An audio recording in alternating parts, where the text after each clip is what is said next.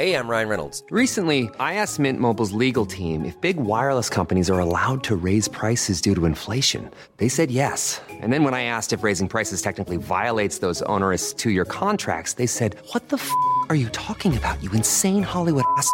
F- So to recap, we're cutting the price of Mint Unlimited from $30 a month to just $15 a month. Give it a try at mintmobile.com slash switch. $45 upfront for three months plus taxes and fees. Promo rate for new customers for limited time. Unlimited more than 40 gigabytes per month. Slows. Full terms at mintmobile.com.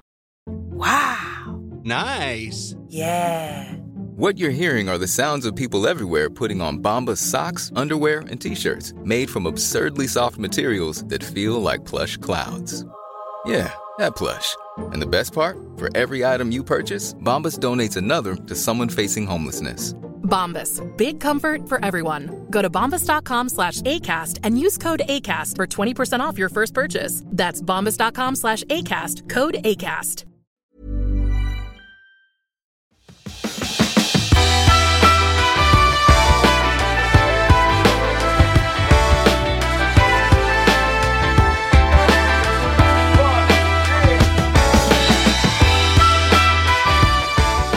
Hej och välkommen till Klimakteriepodden med mig, Åsa Melin.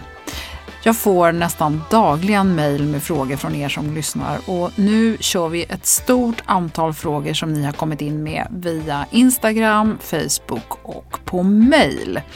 Och det handlar om allt möjligt med mycket cirklar av naturliga skäl kring symptom och hur man blir av med dem. Vad som hjälper och vad som skälper, vad är rätt och vad är fel och vem ska man tro på och vad ska man tro på. Och jag är superglad för att Mia Lundin ställt upp och hjälpt till med att svara på de här frågorna. Många känner till Mia Lundin som har jobbat med kvinnor och hormoner i över 30 år, först i USA och nu i Sverige på privata mottagningen Her Care, där hon jobbar både med gynekologer, barnmorskor och närings och samtalsterapeuter i alla kvinnans hormonfaser men av naturliga skäl är ju väldigt mycket klimakterierelaterat. Och redan innan Her Care så kände många till Mia genom först hennes bok som kom 2010 som heter Kaos i kvinnohjärnan och sen också boken som heter Vägen till hormonell balans. En del frågor går i varandra så du kanske inte känner igen din fråga exakt ordagrant men jag hoppas att det ändå blir väldigt tydligt. Mycket av det här är ju faktiskt inte individuella problem även om ni är alla unika. Så jag tror att många kommer ha glädje av svaren som det här avsnittet ger. Och jag ber lite grann om ursäkt för ljudet, för på mig är det lite svajigt internet, tyvärr. Men nu är det ju tack och lov Mia som pratar mest och jag tror att eh, det är tillräckligt intressant för att eh, ni ska orka lyssna ändå. I slutsnacket så besvarar jag ytterligare några frågor som Mia inte tar upp men som också har kommit in. Dessutom så kommer de kommande två avsnitten ge dig en hel del svar när det gäller dels träning och det här med kroppen och vikten av att anpassa träningen efter symptom under klimakterieåren. Och dessutom framåt i livet och det är superintressanta Monica Björn som ger den kunskapen. Avsnittet efter det är för alla er som undrar hur det börjar och vad som är vad och hur man hanterar förstadiet in i klimakteriet med en av mina absoluta favoriter, nämligen gynekologen Hilde Löfqvist. Så mer svar kommer alltså framåt, så välkommen att lyssna. Nu kör vi Mia Lundin och en bunt frågor. En hel timmes frågor och svar.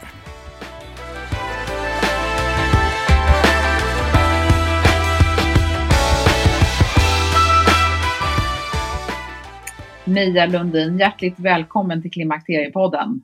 Tack. Direkt från sjukstugan får man säga, för du har corona. Mm. Hur, hur känns det?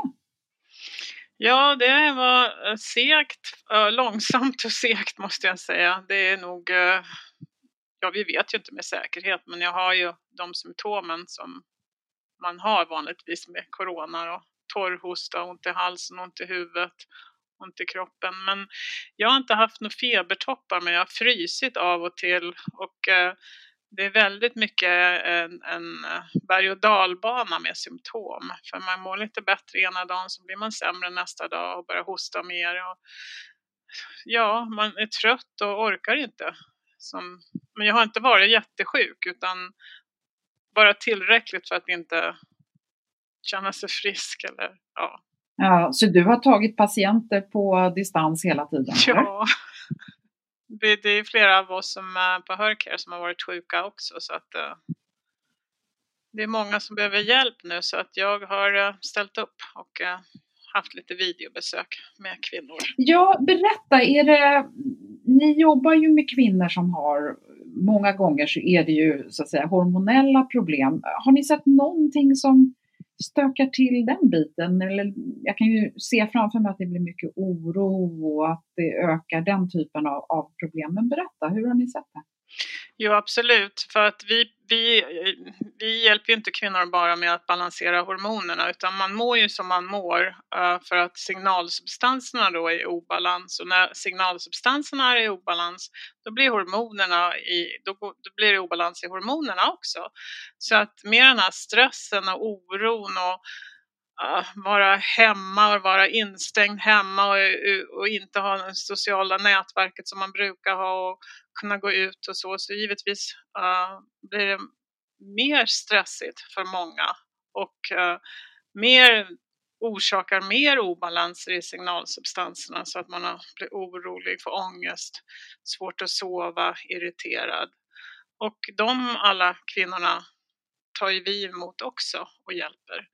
Så att vi har uh, haft uh, väldigt många som har kontaktat oss nu och jag tycker det är mm. skönt att vi har, vi har ju använt videomöten tidigare så vi var ju vana vid det och det fungerar jättebra. Så då alla vi sitter hemma nu och eh, tar emot patienter på video. Ja, gynekologmötena då, det är lite svårt att göra på video så de gör vi ju på kliniken fortfarande givetvis. Vi ska idag ta upp ett antal lyssnarfrågor som inte alls bara är kopplade till den situation vi är i nu när du och jag spelar in det här i början på april. Utan vi ska, jag gjorde ett litet eh, inlägg i sociala medier häromdagen och sa att jag förberedde ett frågeprogram och gisses vad mycket frågor det kom. Och det som är de flesta frågorna, jag trodde att jag skulle behöva ta in en hel radda med olika specialister, men faktum är att eh, med din kunskap om kvinnor generellt och hela din erfarenhet med att jobba med helhetshälsa för kvinnor under så många år gör att du är den som jag anser vara mest lämpad att svara på merparten av de här frågorna. Så jag är jätteglad Mia för att du eh, ställer upp på det här. Tack, trots en hög ja, men trots en hög arbetsbelastning men också att du är sjuk. Det är ju helt otroligt. Det var jättekonstigt för att innan jag fick det här så var jag ju också sådär jätterädd för gud vad ska hända? Nu ser man sig själv på intensiven med, med respirator och allt det här. Men sen när jag väl fick det så kom det här lugnet över mig på något vis. Jag kände mig, det var helt okej. Okay. Det kändes, jag kände mig trygg. Så att eh, det är konstigt hur man oroar sig kanske i onödan också. Men vi ska vara försiktiga givetvis och inte sprida smittan. Men kom ihåg att alla hamnar inte på sjukhuset.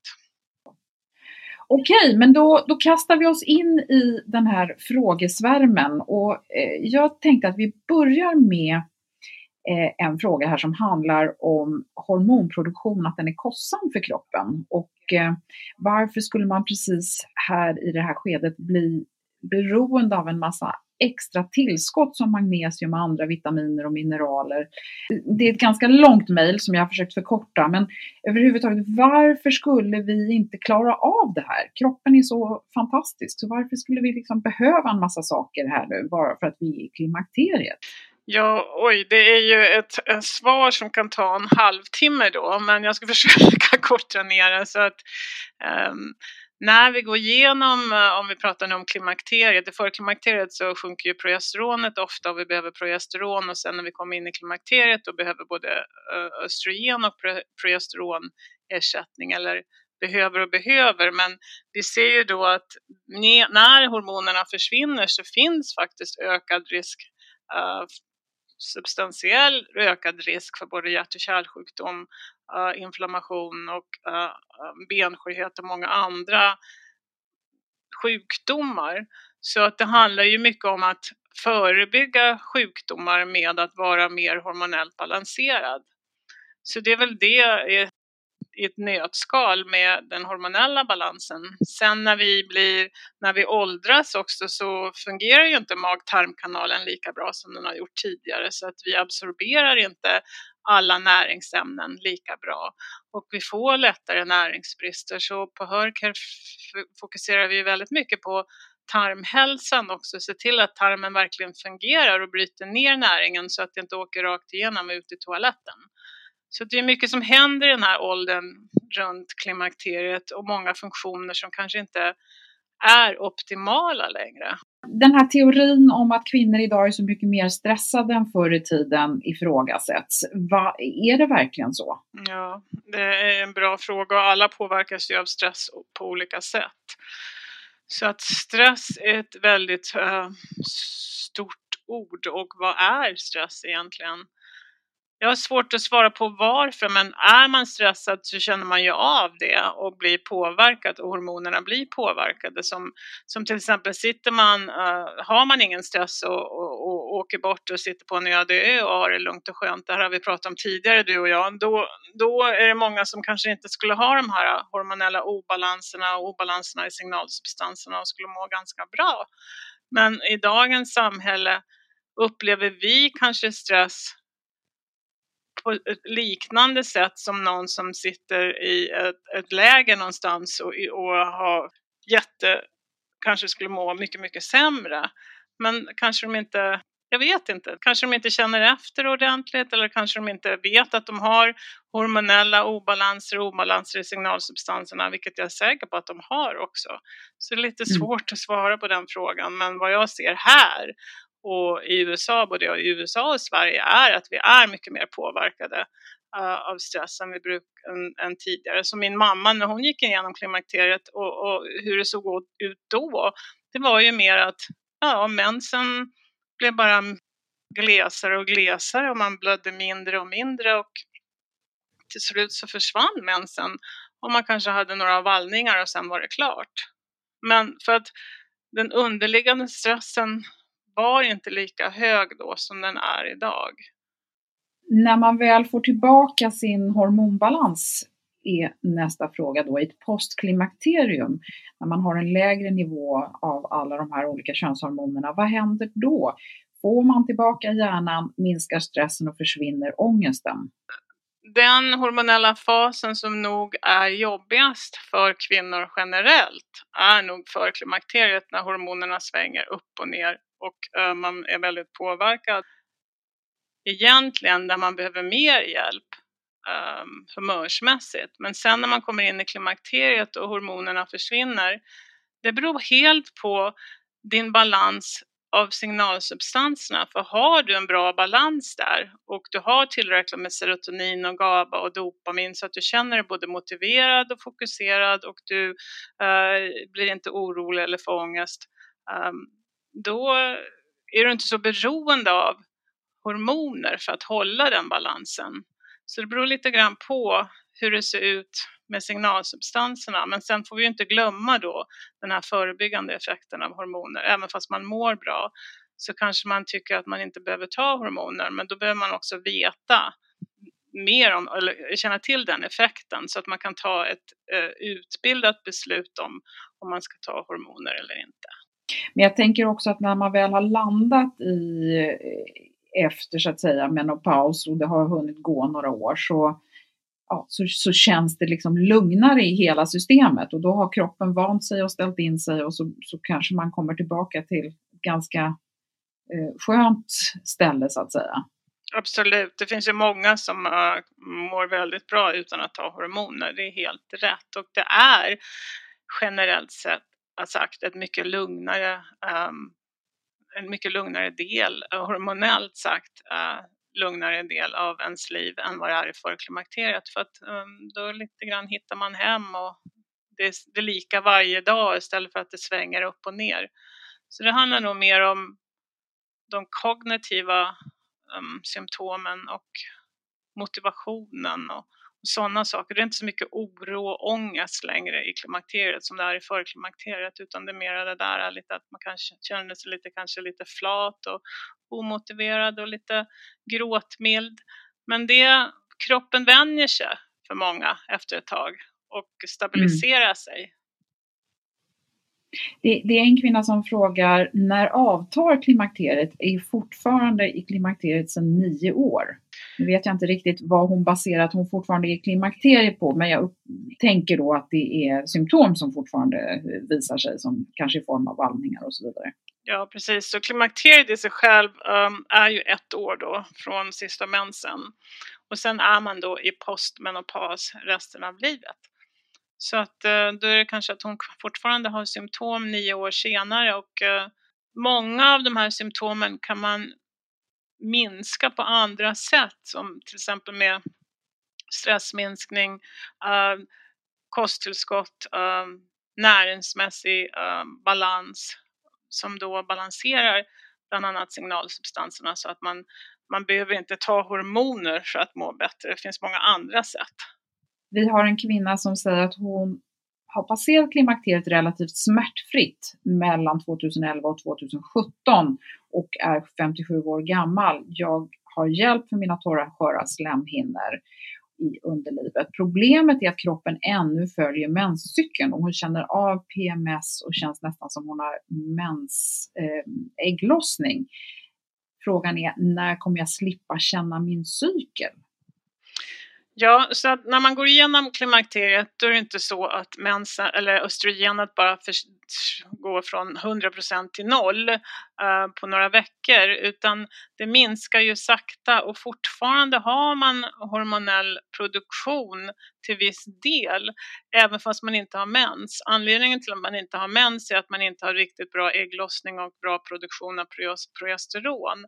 Men under den här tiden när man går igenom klimakteriet, som egentligen klimakteriet är ett år, men och sen blir det postmenopaus. Men under den här tiden när östrogenet försvinner så kan man ändå ha cykliska symptom. Men jag måste säga att det är lite, det har gått ganska lång tid för henne för att fortfarande ha någon typ av hormonell produktion och ha de här symptomen. Så det är väldigt ovanligt, eh, måste jag säga.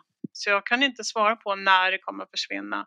Men anledningen att hon mår som hon mår igen, jag känner mig som jag um, upprepar mig själv hela tiden, men det har ju inte att göra med hormonerna i sig själv utan det är ju hur de påverkar hennes signalsubstanser och de kan man balansera på, med, på naturligt sätt. Och ska vi ta det då? Vi pratar om naturliga saker. Vad, vad kan man göra det är många som undrar om eh, olika typer av fytoöstrogener och al andra alternativ. Eh, yoga, akupunktur rekommenderas och homeopati, ayurveda, kinesisk medicin. Eh, och sen så finns det då frågor som, som är då baserade på allt från tallpollen till eh, ja, eh, olika sojaprodukter och, och fytoöstrogener och så vidare. Ja, jag förespråkar ju bioidentiska hormoner, men är det så att man inte vill använda det och vill prova andra metoder så är ju det alla de som du precis nämnde.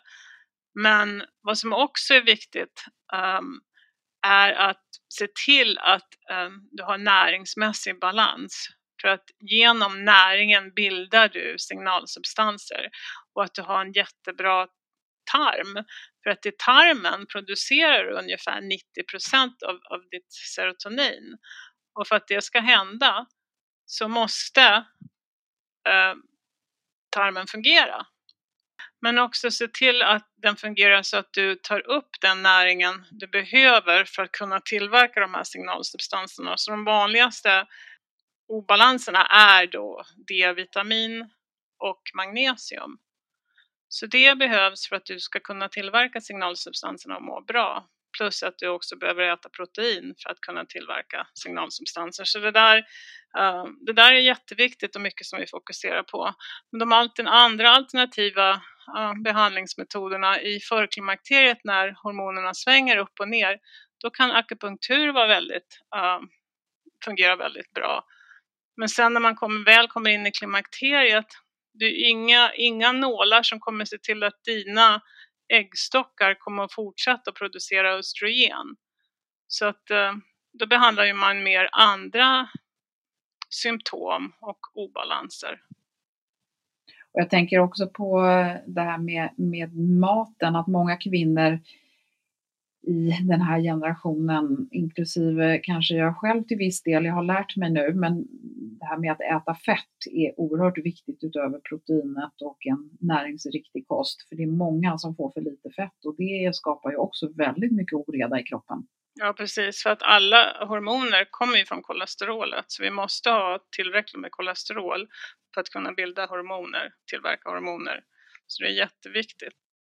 Jag har som en propp som satt igen hela mitt system. Vikten ökar, humöret svänger, osäkerheten kommer, sömnen blir lidande och så vidare. Ja, det har ju också att göra, mycket att göra med sköldkörteln givetvis. Man måste se till att den fungerar och är balanserad. Men i klimakteriet det är väl mer att man pratar om just det här med vikten, att, att vad man än gör så går man inte ner i vikt. Det är precis som det klistrar sig fast på kroppen och det har ju att göra med många olika orsaker. Eh, I klimakteriet när östrogenet har sjunkit till exempel så eh, har man lättare att bli inflammerad. Man blir mycket lättare insulinresistent och då um, går man upp i vikt runt magen och eh, uh, bysten. Man känner sig kanske mer stressad så att eh, uh, kortisolet är högt när kortisolet är högt, ehm, stresshormonet, då går vi också upp i vikt runt bysten och magen. Sen så försöker ju kroppen också hålla kvar lite fettceller eller fett på kroppen för att vi ska kunna konvertera binjurehormoner till östrogen och inte bli helt uh, fattiga på östrogen. Plus att uh, många gånger um, har man inte den där riktiga balansen i signalsubstanserna och när östrogenet sjunker så sjunker serotoninet också och då, då vill man gärna äta kolhydrater och socker uh, och kanske dricka lite extra alkohol för att uh, hitta lugnet och allt det där bidrar ju då till viktökning och och, och tarmen inte fungerar så bra heller så man blir förstopp, lättare förstoppad. Det är många som har frågor just kring det här med ont i kroppen. Eh, en kvinna säger så här, jag har ont i kroppen och har haft det ett tag, framförallt i fötter och ben. Känsla av att jag har ont i hela kroppen dessutom. Efter att ha lyssnat på din podd eh, så inser jag att det kanske har med klimakteriet att göra. Eh, berätta, för sen är det någon annan som säger så här, är det så att klimakteriet ger smärta i muskler och leder? Vad kan man göra åt det? Kan man justera med östrogen, testosteron eller dylikt? Och så är det ytterligare en som säger, jag kan inte träna för jag har ont konstant i muskulaturen. Jag känner mig typ som en död grå kaktus. Oj då. Mm, nej, men jag tror att det vanligaste orsaken till uh, att man får ont i leder uh, när man har gått igenom klimakteriet är att uh, klimak eller östrogenet är det bästa antiinflammatoriska man kan använda för att det förebygger inflammation, östrogenet. Så man blir lättare inflammerad och får, får lättare ont i leder. Men också uh, ett lågt serotonin, ett av de vanligaste symptomen av det är att man får ont i kroppen. Så det har att göra både med hormoner och signalsubstanser så därför är det viktigt att balansera båda. Också kan, genom att bara ta lite omega-3 och, och, magnesium så kan det också, om man har mer muskelspänningar och, och, eh, och så, så kan det, magnesium hjälpa väldigt mycket men omega-3 kan ju också dämpa inflammationen. Det här med ont i fötterna och sådär när man kliver upp direkt på morgonen är det ju många som också undrar över. Det kan också vara samma sak. Ibland kan det vara B12-brist också som man får ont under fötterna, där man får ont under fötterna.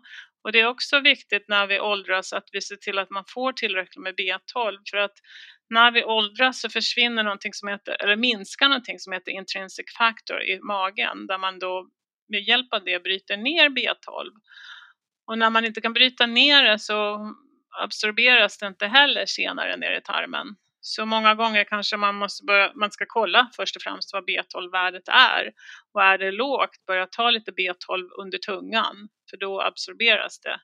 Eh, det kan hjälpa. Samtidigt som magnesium också kan hjälpa. Mm.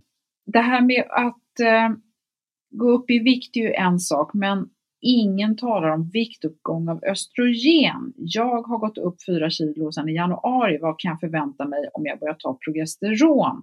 Hjälper eller skälper det vikten? Ja, så en del som går upp eh, i vikt av östrogen har ofta då att göra med, eh, orsaken kan ofta vara då eh, två, eh, två olika orsaker. Eh, en att man samlar på sig vätska och behöver då också Eh, ta progesteron för att progesteron är vätskedrivande. Eller så kan det vara så att man, om man har en väldigt dålig tarm eller man har mycket IBS-typ symptom och inte, tarmen inte mår bra, då kan det vara så att man har ett enzym som är lite för högt som heter betaglukoronidas. Och det är ofta högt om man har obalans av de goda och inte så goda bakterierna i tarmen. Har man högt betaglukoronidas då återvinner man östrogenet när man använder det eller tar det. Så att det cirkulerar om och om och runt i kroppen igen och då känner man, blir man plufsig, samlar på sig vätska, känner sig inflammerad.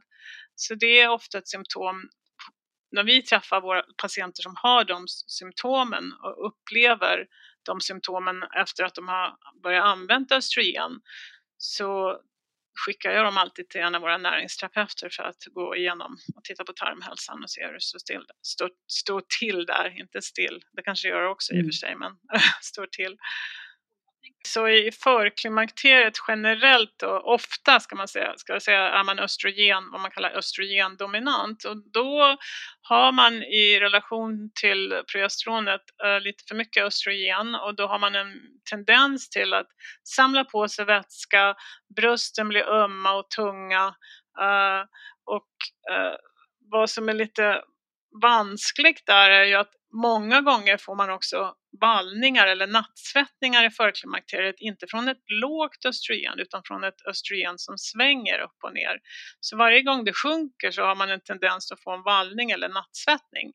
Och är, går man då till en läkare eh, som inte är så vidare utbildad i det här med hormonell hälsa och de hör ordet vallningar, då kanske de förskriver östrogen och det är det sista man behöver där då blir man, mår man ju bara sämre och sväller upp ännu mer. Utan i förklimakteriet behöver man progesteron. Vi har en fråga här som handlar om eh, hur länge man eventuellt ska äta hormoner. Ja, den, den frågan brukar jag svara så här. Jag kommer att använda hor mina hormoner till den dag jag dör. Men eh, om vi ska följa forskningen så har vi inte så mycket forskning efter uh, tio år. Så man, vi kan inte säga ja det är jättesäkert att ta det tio år eller mer. Det vet vi inte för vi har inte forskning på det. Men kvinnor som idag mår bra och har tagit hormoner i tio år och vill fortsätta så säger nu North American Menopause Society och också SFOG då. De säger också att, att de kvinnorna kan fortsätta ett litet tag till. Men man har inte uh, riktiga guidelines där exakt om hur länge och hur ser det ut, vad är riskerna? Nej. Och det får man ju lämna i knät på kvinnan själv egentligen. Eh, för det finns eh, ytterligare en fråga här som handlar om vad finns det för erfarenhet och forskning om hormonbehandling, hur länge och hur trappar man ner? Ja precis, det var det med forskningen, hur länge, den har vi inte. Vi har inte forskning på användandet av hormoner efter tio år. Men i min bok Vägen till hormonell balans så har jag sammanfattat den forskningen som vi har idag. Förhoppningsvis på ett lättläst sätt. Och det här med att trappa ner om man nu bestämmer sig för att man ska ta hormoner under en period, hur gör man det? Nedtrappningen alltså? Ja, det ska man nog göra uh, över några månader i sådana fall. Och det är väldigt individuellt för olika personer så det är svårt att ge generella Eh, riktlinjer där. Men mm. man, gör, man slutar ju inte på en dag utan trappar ner över några månader så vänjer sig kroppen lite på ett annat sätt. Mm. Vilka östrogener och gestagener är bäst? Uh, gestagener vet vi att eh, det finns studier på att gestagener ökar risken för djup ventrombos och uh, Ja, och, och, då vill jag också påpeka att äh, gestagener är alltså är inte identiska med ditt, ditt eget kroppshormon progesteron. För att alla hormoner är på, eh, tillverkade eh, i ett laboratorium men, och modifierade. Men gestagener liknar alltså inte de hormoner och molekylen liknar inte molekylen av ditt eget progesteron. Så det är någonting som tillförs kroppen som kroppen inte riktigt känner igen. Så det, gestagenet då ökar ju risken som jag sa för djupventrombos och hjärt, äh, ja, eh, och bröstcancer till viss del. Inte stor ökad risk men risken finns där. Äh, däremot östrogen verkar inte öka risken för äh, bröstcancer. Och östrogenet ska då helst tillföras transdermalt genom huden. För tillför man det genom huden så visar det sig att det inte finns, uh, verkar inte finnas ökad risk för blodpropp. Vilket det finns däremot en liten ökad risk när man tar det oralt genom munnen. Samtidigt som finns en liten ökad risk av, att, um, av inflammation och också att ens triglycerider kan öka lite grann som är en, en del av blodfetterna. Så östrogen ska användas genom huden, eh, bioidentiskt östrogen genom huden, plåster eller gel tycker jag. Och progesteronet ska då vara bioidentiskt progesteron som man då när man tar ett östrogen också ska ta det oralt genom munnen. Vi har inga studier på att kombinera östrogen med en progesteronkräm. Vi vet inte om progesteronkrämen skyddar slemhinnan i livmodern och det är en av de viktigaste funktionerna då när man kombinerar. Att se till att livmod, slemhinnan i livmodern inte förtjockas som sen kan leda till cancer. Så mm. um, sammanfattningsvis transdermalt östrogen med ett biodentiskt progesteron som vi tar oralt. Okej. Okay. Nästa fråga är hur får man tag på bioidentiskt östrogen och progesteron. Det är vansinne att man ska behöva kämpa för det beroende på var man bor. Man, ska man behöva åka till Stockholm och betala dyra pengar på privatkliniker? Detta är ett jätteproblem. Jag är galet arg. Ja, det kan jag förstå. För att um, östrogen, de flesta gynekologer förskriver ju bioidentiskt östrogen. Det finns egentligen inte an, någon annan typ av östrogen som man förskriver i klimakteriet. Så bioidentiskt östrogen är inte alls svårt att få tag på om, om gynekologen ens tror på att uh, tillsätta hormoner efter klimakteriet. Problemet ligger mer med progesteronet för att det har varit så länge att vi måste förskriva progesteronet på en individuell licensförskrivning som tar ja, 15-20 minuter till för varje patient uh, då man då, läkaren måste gå och, och förskriva hos Läkemedelsverket med digital ansökan. Och det där vill inte många gynekologer hålla på med så att de vill, säger bara att det gör vi inte för det finns inte tid för det i vården. Och jag kan förstå det också, det tar tid. Så många gånger så därför vill de inte förskriva det eller så kanske de inte känner sig bekväma för de har aldrig använt det.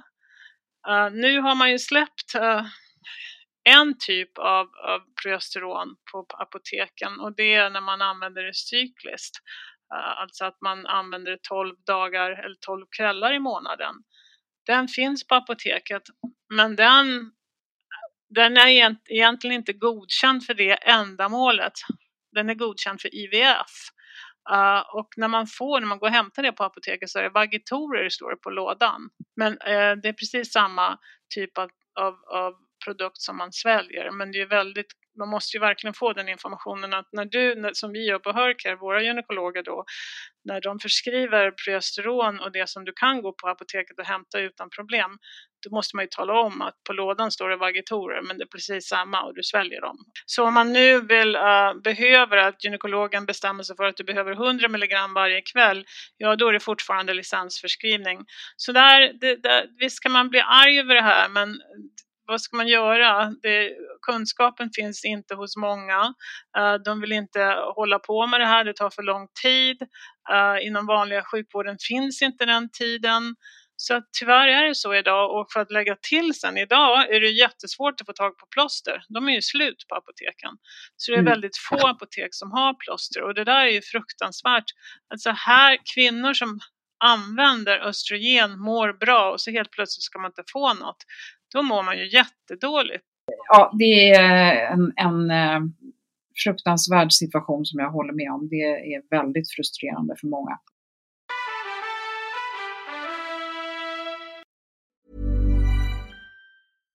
Wow. Nice. Yeah. What you're hearing are the sounds of people everywhere putting on Bombas socks, underwear, and t-shirts made from absurdly soft materials that feel like plush clouds.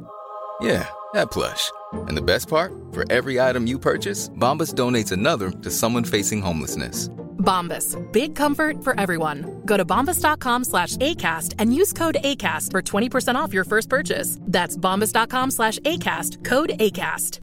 Hey, I'm Ryan Reynolds. Recently, I asked Mint Mobile's legal team if big wireless companies are allowed to raise prices due to inflation. They said yes. And then when I asked if raising prices technically violates those onerous two year contracts, they said, What the f are you talking about, you insane Hollywood ass?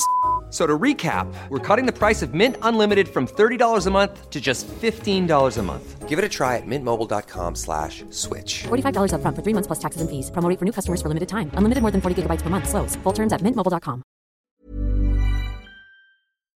Det är härligt att klimakteriets tabu äntligen är på väg bort.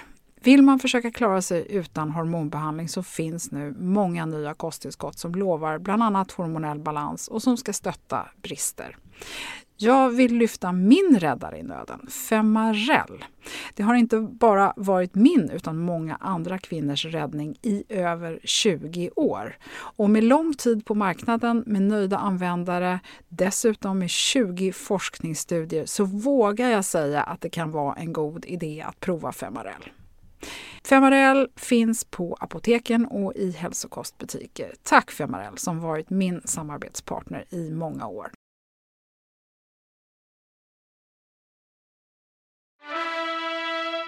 Vi går vidare och så pratar vi om, jag undrar om hormonförändringarna under klimakteriet kan leda till att slemhinnorna i kroppen generellt blir torrare, till exempel så, att man, eh, så mycket så att man utvecklar hypersensibilitet.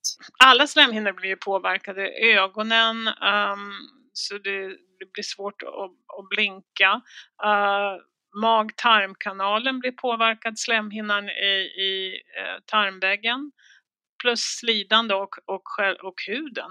Så att uh, absolut. Uh, och där kan ju också omega-3-fetter hjälpa för att um, känna att man känner sig, så man inte känner sig så himla torr. Men givetvis är uh, östrogen det bästa tycker jag. Mm.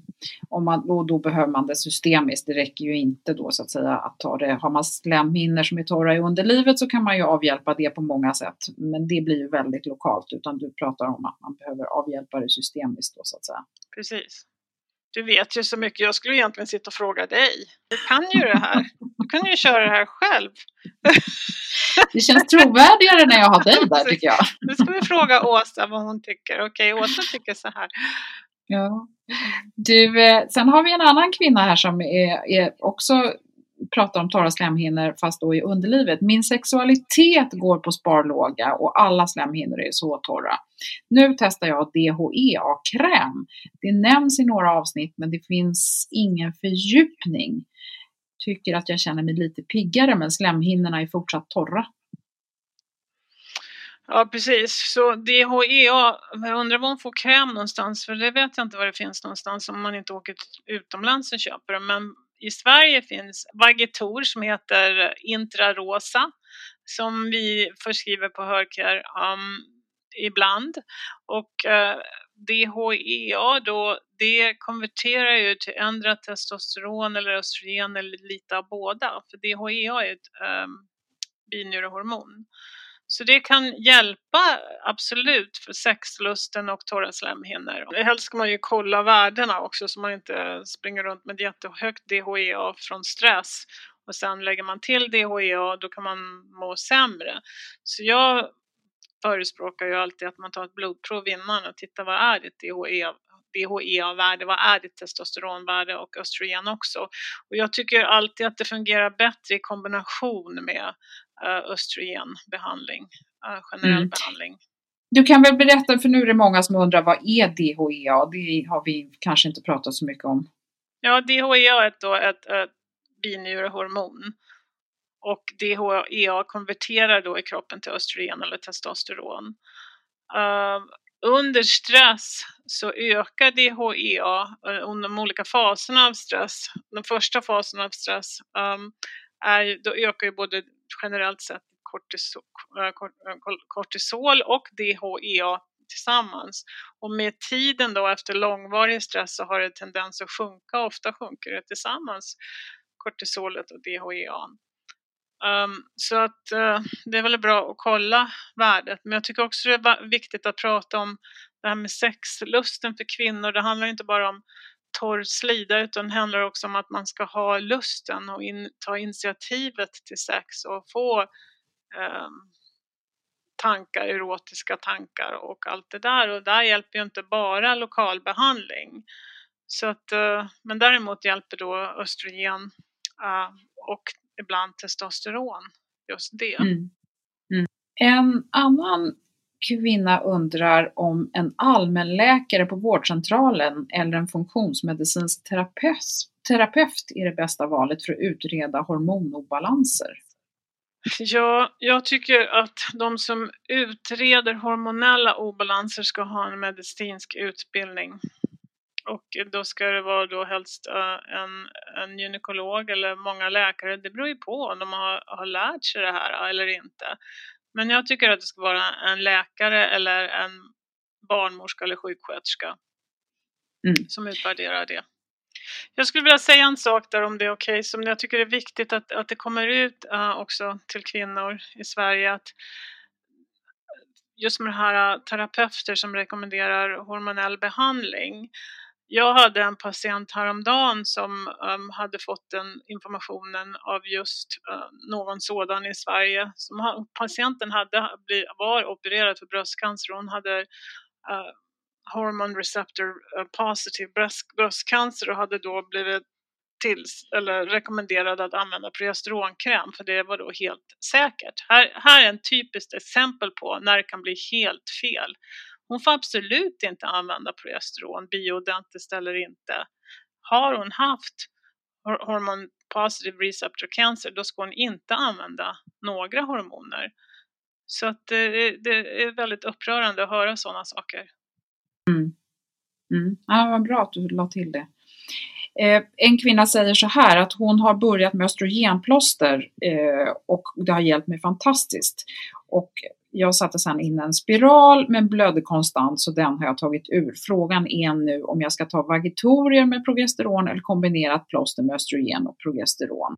Om man använder ett östrogen och nu har hon tagit ut spiralen så hon behöver ju någonting som skyddar hennes slemhinnor, slemhinnan i livmodern. Så då kan man använda progesteron. Eh, man ska använda progesteron och det kan man då ta oralt. Men en del kvinnor blir väldigt påverkade av det orala bioidentiska progesteronet. Många blir lugna och känner sig jättenöjda men en del blir trötta och dopade och känner sig omotiverade och låga. De kan ibland använda då, ibland rekommenderar vi då att patienten använder det vaginalt, alltså utrogestanet. Att det är tillverkat för att kunna använda vaginalt också och därför står det vagitorer på de som man nu går och hämtar på apoteket. Men det ska ju ens läkare då um, behandla eller rekommendera. Det ska man ju inte mm. själv mm. hålla på med. Utan, men jag vill bara att, att ni ska veta att de här utrogestanet kan också användas vaginalt. Mm. Okej, okay, bra. Eh, det är en kvinna som fick sin sista mens innan hon skulle fylla 58 och, test, och så gjorde hon ett test och så visade det sig att hon hade högt progesteron och lågt östrogen. Och jag har alltid haft problem med östrogendominans. Ska jag våga ta östrogen? Är det vanligt att ha progesterondominans i klimakteriet? Aldrig hört talas om. Nej, det verkar väldigt konstigt. Det är något fel på labbet. För att för det första så kollar man, ja det beror på när i cykeln hon har kollat men det spelar ingen roll. Uh, för att kunna ha höst, högt progesteron måste man också ha ägglossning. Och har man ägglossning då är man inte i klimakteriet. Så det är någonting som inte stämmer där. Vill veta mer om endokrina sjukdomar som diabetes och hypotyreos till exempel i kombination med hormonbehandling? Mm, så diabetes, det börjar vi se studier på nu att uh, östrogenbehandling kan minska risken för typ 2 diabetes. Uh, så absolut, med hjälp med att vara hormonellt balanserad då med bioidentiska hormoner så, så börjar man nu se att man kan minska risken för typ 2 diabetes och det hjälper också insulinresistensen, vilket då är början till typ 2 diabetes. Um, med sköldkörtelhormoner så är det väldigt viktigt, och det här är ju svårt i Sverige, men Eh, egentligen ska det vara samma läkare som behandlar både hypotyreosen och eh, eh, menopaus, menopaus, klimakteriet. För att de här östrogen och sköldkörtelhormonerna de tävlar egentligen för samma receptor och påverkar varandra. Så kommer en patient till oss som också har kanske lite onormala sköldkörtelvärden men också är i klimakteriet så rekommenderar vi alltid att man börjar med hormonersättning först och sen kollar sköldkörtelvärdena igen efter ett par månader för att se om det har förändrats. För det kommer att göra det när man börjar med hormoner. Och sen så hypotyreos och klimakteriet, hur, hur den, den är ju en väldigt stor och omfattande fråga, men just då väldigt många kvinnor lider ju av sköldkörtelobalanser och, och hur, vad händer då med klimakteriet om man nu har haft det här redan innan? Ja, det, precis som jag sa då, att det är viktigt att, att man eh, att, att man balanserar båda eh, samtidigt i alla fall se till att man blir balanserad i klimakteriet först om man nu ska ta hormoner och sen kollar sköldkörtelvärdena igen. För de kommer att komma förändras, de kommer att förändras om du är balanserad på dina sköldkörtelhormoner och sen går igenom klimakteriet. Det, kommer, det blir ofta en, en förändring i uh, sköldkörtelhormonerna när östrogenet sjunker. Men det är bara tillfälligt. Sen får man balansera om då efter att man har börjat med hormonersättning. Ja, och här, det hör man ju själv att det är ju viktigt att man inte springer till allt för många läkare. Det är ju någon som måste hålla koll på hela bilden, eller hur? Ja, men det är ju väldigt svårt i Sverige för här är ju allmänläkaren på vårdcentralen eller en endokrinolog då, som behandlar sköldkörteln och de behandlar inte klimakteriet. Så att det blir ju svårt men men det, kan, det går ju för att det bara så länge man inte försöker att bolla båda samtidigt för att sköldkörteln är som en rörlig måltavla. Den kommer, sköldkörteln förändras beroende på vad som pågår i din kropp för övrigt. Är det för mycket stress kommer det se ut på det här sättet. Är det inte stress så ser det ut så.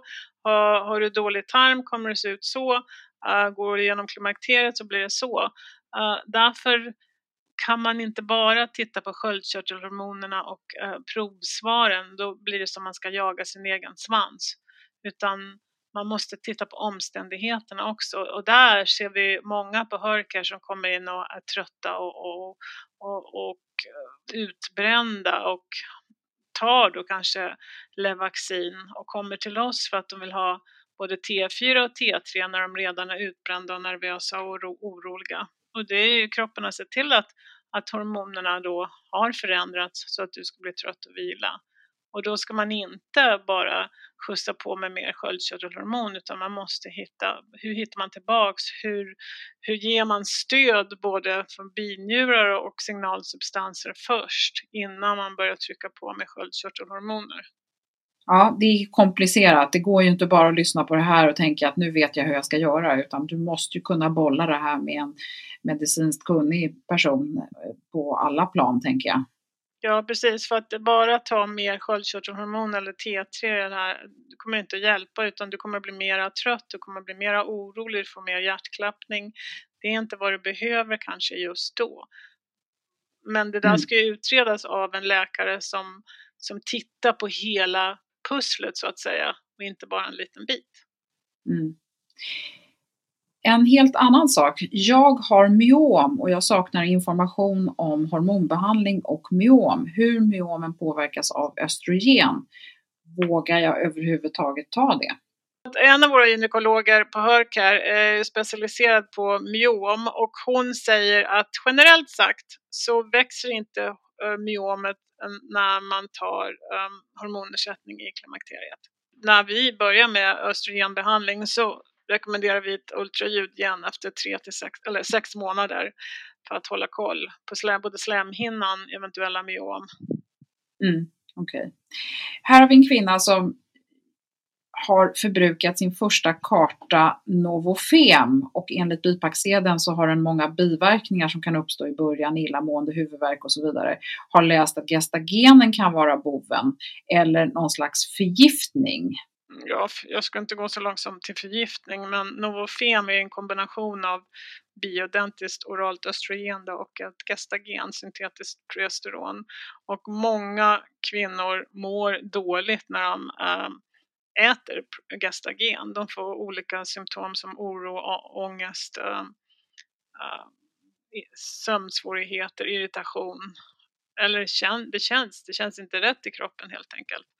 Så att vi, det är inte en produkt som jag rekommenderar. Varför kommer man i tidigt klimakterium? Ja, vi, vi vet ju inte. Ärftlighet är ju en anledning.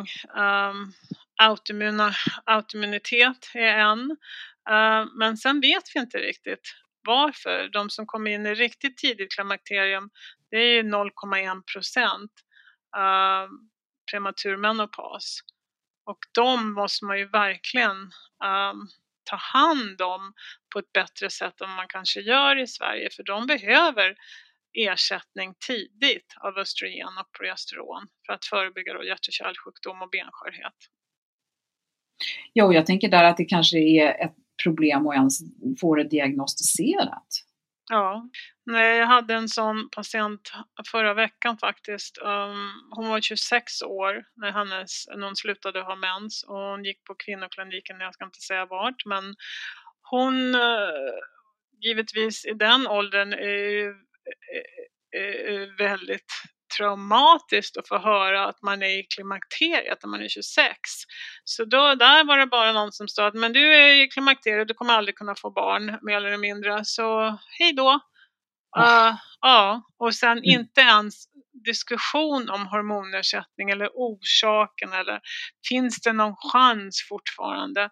För att det är ju så att man vet aldrig med säkerhet och det är någonting som jag har lärt mig. Även fast man kanske FSH östradiol ser ut som det gör, fastän kanske man inte ser några ägg på äggstockarna längre så finns det alltid någon miracles happens.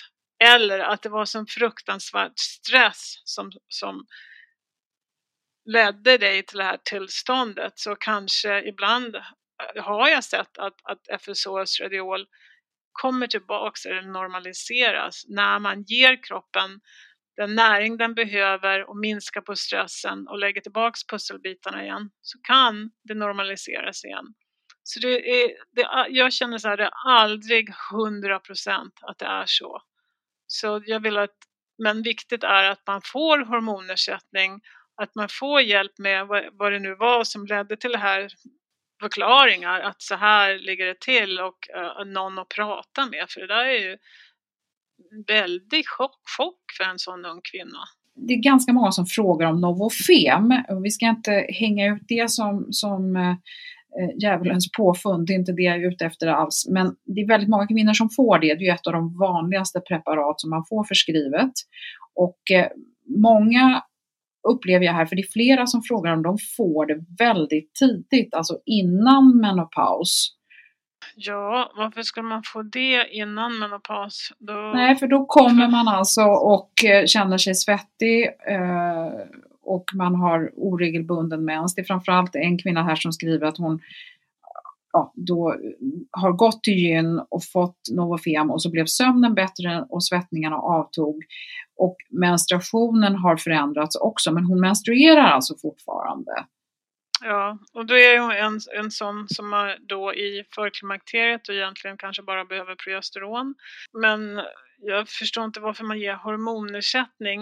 Uh, för att Novo-5 då jämfört med ett p-piller, ett p-piller innehåller etynylestradiol som är ett, ett syntetiskt östrogen och ett syntetiskt progesteron. Eh, och det trycker ju ner din egen funktion, eh, ett p-piller, så att du inte har någon hormonell eh, produktion, eller inte mycket i alla fall. Men om man tar till exempel Novofem, det är ju ett östradiol och det är ett hormonersättning, så det kommer ju bara lägga till vad du redan har i din egen produktion Så att jag förstår inte tanken där alls och det, det stämmer inte. Så att i förklimakteriet behöver man inte östrogen, då behöver man progesteron. Och när man väl har kommit in i klimakteriet, då tycker jag inte riktigt, jag, jag tycker inte heller att man då ens ska använda ett oralt östrogen med, i kombination med ett gestagen som jag sa tidigare finns eh, det mycket bättre produkt, produkter. Ja, så då får man gå tillbaka till gynekologen helt enkelt och diskutera det här lite grann fram och tillbaka och eh, fundera på vad som går att göra istället. Avslutningsvis här så tänkte jag att vi ska ta några frågor som handlar då om eh, lite alternativa varianter och då är det en som frågar så här. Min fråga är hur mycket man egentligen kan ta kosttillskott. Kan man verkligen laborera lite själv hur man vill? Jag har nämligen börjat få besvär med halsbränna av och till, vilket jag inte haft på åratal. Oj, ja. Man ska ju bara ta vad man behöver. Uh, för att har man en tarm som är känslig och inte mår bra kan, och man kanske har till och med läkande tarm, då ska man inte hålla på och proppa i sig massa kosttillskott som man inte behöver, för då blir det för mycket för tarmen att hantera. Men har man till exempel um, sura uppstötningar och magkatarr, och det kan ju bero på många olika saker. Det kan bero på att man har en bakterie som orsakar det eller så kan det bero på att man kanske inte har tillräckligt med saltsyra i magsäcken så man inte bryter ner maten.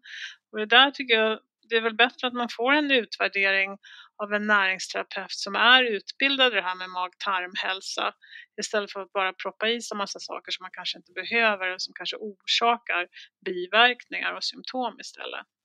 Om man då sen har lyckats komma upp i någon balans, ska man sluta ta eller dra ner på det? Hur ska man hantera det då? Hur gör man då? Nej, man, det finns ju ställen idag som man själv kan gå och kolla då på blodkollen, Medicera labb som du själv kan köpa dina Um, analyser och, och, och, se så att du ligger inom normalvärdet eller helst då som jag sa träffa en näringsterapeut som är utbildad i det här. Men magnesium är ju svårt att kolla. Det ska egentligen um, kollas i de röda blodcellerna för att uh, annars är det inte så pålitligt, tillförlitligt. Förlåt. Men den vanligaste obalanserna det är ju, eller näringsbristerna ska jag säga, det är brist på D-vitamin och brist på magnesium. Mm. Men ibland så kollar man sitt D-vitamin, ser till att det är inom normalvärde.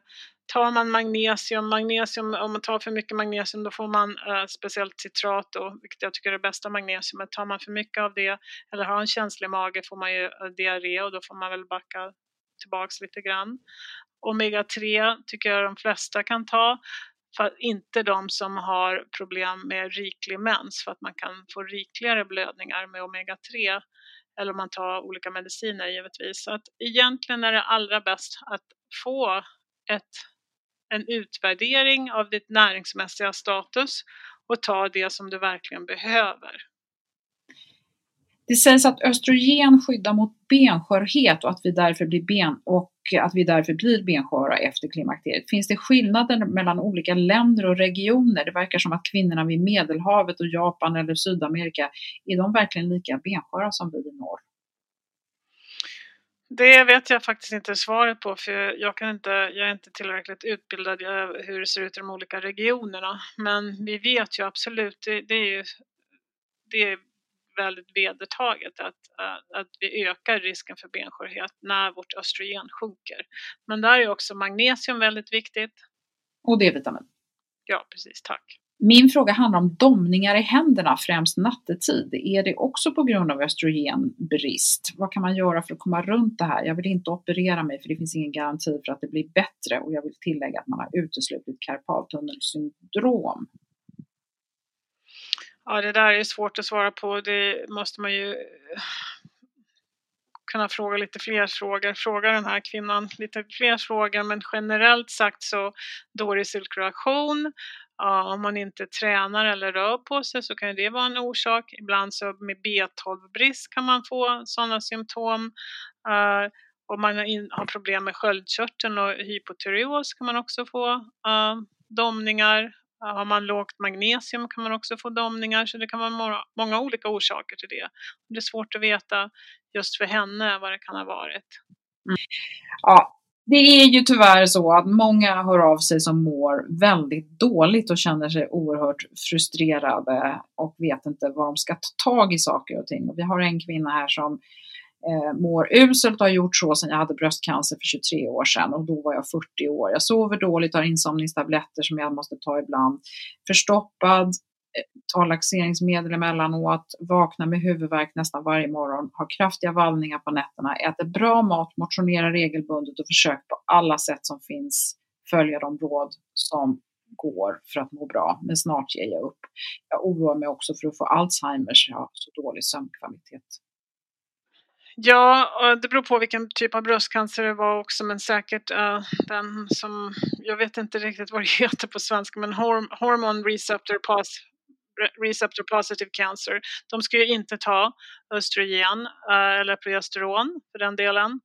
Så att eh, där får man titta på symptomen och behandla varje symptom med vad man tror att orsaken kan vara egentligen i botten. Är det att tarmen inte fungerar så man inte tar upp näring? Är det att man inte får i sig rätt näring? Är det att signalsubstanserna är i obalans? Är det att stresshormonerna uh, är höga uh, eller låga?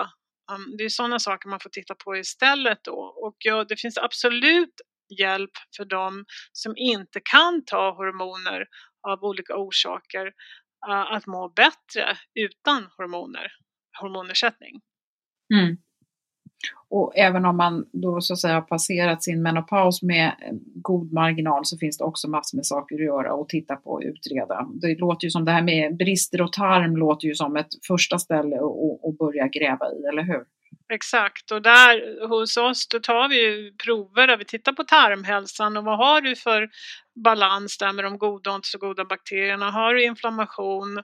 Bryter du ner maten? Eh, men också att vi kollar om det behövs signalsubstanserna, binjurehormonerna för att se hur är din balans med serotonin, dopamin, noradrenalin och GABA till exempel. Eh, när vi har det svart på vitt då kan vi mera ehm, rekommendera eh, då olika um, tillskott eller annat för att, att patienten ska må bra. Uh, och man vet vad man, vad man behandlar för någonting istället för att fumla i mörkret. Ja, oj, det, det, är ett stort ämne och jag kan inte låta bli att bli lite så här deppig ändå av de här frågorna som kommer. Det är mycket som är konstruktivt och jag tycker att du har hjälpt till att reda ut väldigt mycket Mia. Men är det, alltså, är det så illa ställt där ute som man får en känsla av? Ja, det är svårt för mig att veta för de kommer ju inte, de som mår bra kommer inte till oss. Så jag, jag, jag träffar ju inte dem utan jag får en väldigt uh, uh, negativ syn på det också när man ser hur dåligt kvinnor mår i Sverige. Det är de som kommer till oss. Så man blir ju ledsen och man vill ju att, det jag blir mest ledsen över det är att det finns, de behöver inte må så. Det finns, det finns uh, vägar att, att, balansera och hitta hem igen så du inte behöver må som du mår. Det finns många olika saker man kan göra och det är det som är så himla trist för vanliga vården kan inte erbjuda det idag. Och visst sitter vi på Hörker och det kostar massa pengar att komma till oss men eh, det kostar pengar att driva den här sjukvården, den här typen av sjukvård. Och min dröm, det är ju att resten av sjukvården ska lära sig, att man ska visa mer intresse och kunna erbjuda det här till alla kvinnor. Det vore fantastiskt, det vore en vacker värld och sen så tycker jag också att även om man nu är frustrerad för att man inte har en gynekolog som lyssnar eller en läkare som förstår eller att man känner att man har hamnat i, i ett hörn och inte får någon hjälp. Så det finns, som du säger Mia, det finns mycket man kan göra själv.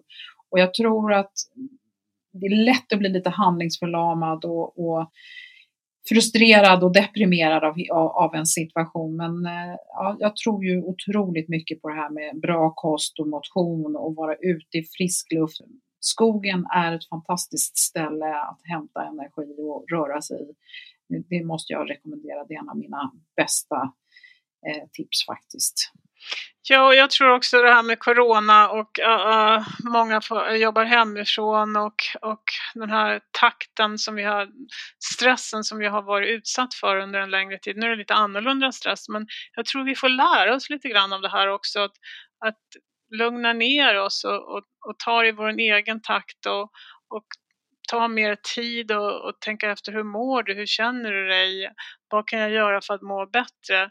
Istället för bara springa runt uh, och uh, inte ha koll. Vi har inte tid ens att känna efter. Nu har vi mer tid att känna efter och fundera på vad är det som är viktigt egentligen? Vad kan, vad, vad, kan vi sänka ribban lite grann? Det kanske inte var så viktigt ändå. Um, för att det är ju det vi måste göra. Mm. Ja, och sortera i, i våra tankar, för det kanske är en bra tid för det. Och se vad är det egentligen jag längtar efter nu, när jag inte kan göra precis vad jag vill, hur jag vill. Okej Mia, nu har vi, nu har vi prövat eh, tålamodet för både oss själva, eh, lyssnarna, dina hundar, din man, min man. Eller hur? ja, det är inte lätt, men och coronahjärnan här så att eh, nu börjar hundarna skälla så att nu... Ja, du ser, det är dags. Ja. Du, tusen tack Mia, jag uppskattar alltid eh, dina kloka ord och jag hoppas att du blir eh, frisk och, och, stark. Men du låter ju som du har hjärnan med dig så att det, det är nog hopp om livet för dig tror jag. Ja, absolut. Nej, jag är på, på gång här.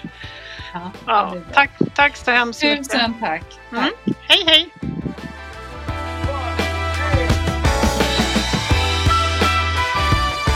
Ja, några frågor som ni inte fick svar på här Eh, tar jag nu och det ena gäller rekommendation av gynekologer. Jag kan faktiskt inte, det är helt omöjligt för mig att avgöra om gynekologer är bra eller dåliga och det måste du som patient försöka avgöra. Eh, ett tips kan ju vara att prata med dina väninnor men det är också det här med att ställa frågor och känna efter och ibland får man faktiskt acceptera att man går till mer än en.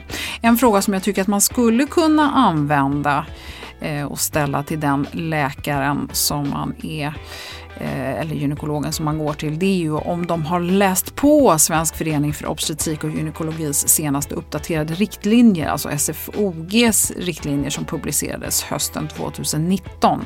Du hittar dem på klimakteriepodden.se om du själv vill läsa på. Jag vill också starkt poängtera att alla kvinnor bör, ska eller vill inte ta hormonbehandling. Och frågor kommer ofta kring fytoöstrogener som är växtämnen med östrogenlika egenskaper.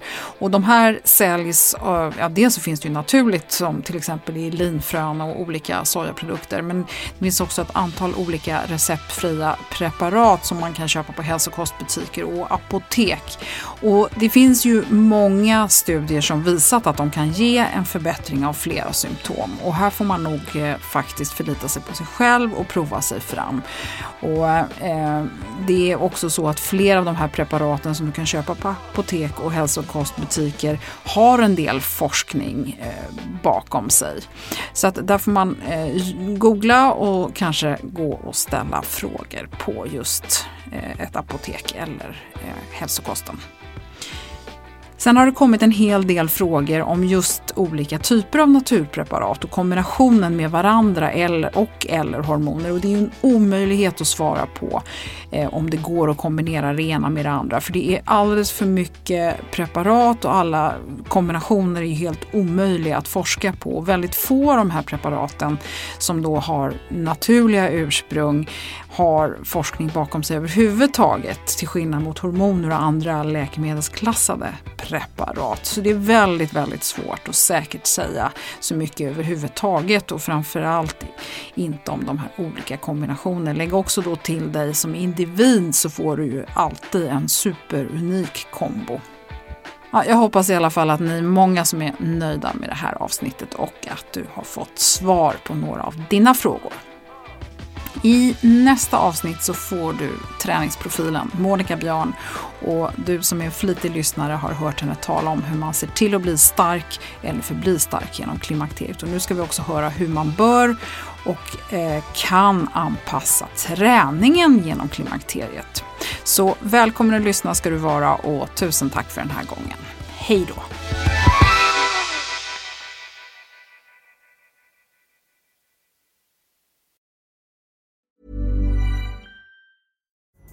Pulling up to Mickey D's just for drinks? Oh, yeah, that's me. Nothing extra, just perfection and a straw. Coming in hot for the coldest cups on the block. Because there are drinks, then there are drinks from McDonald's. Mix things up with any size lemonade or sweet tea for $1.49. Perfect with our classic fries. Price and participation may vary, cannot be combined with any other offer. Ba da ba ba ba.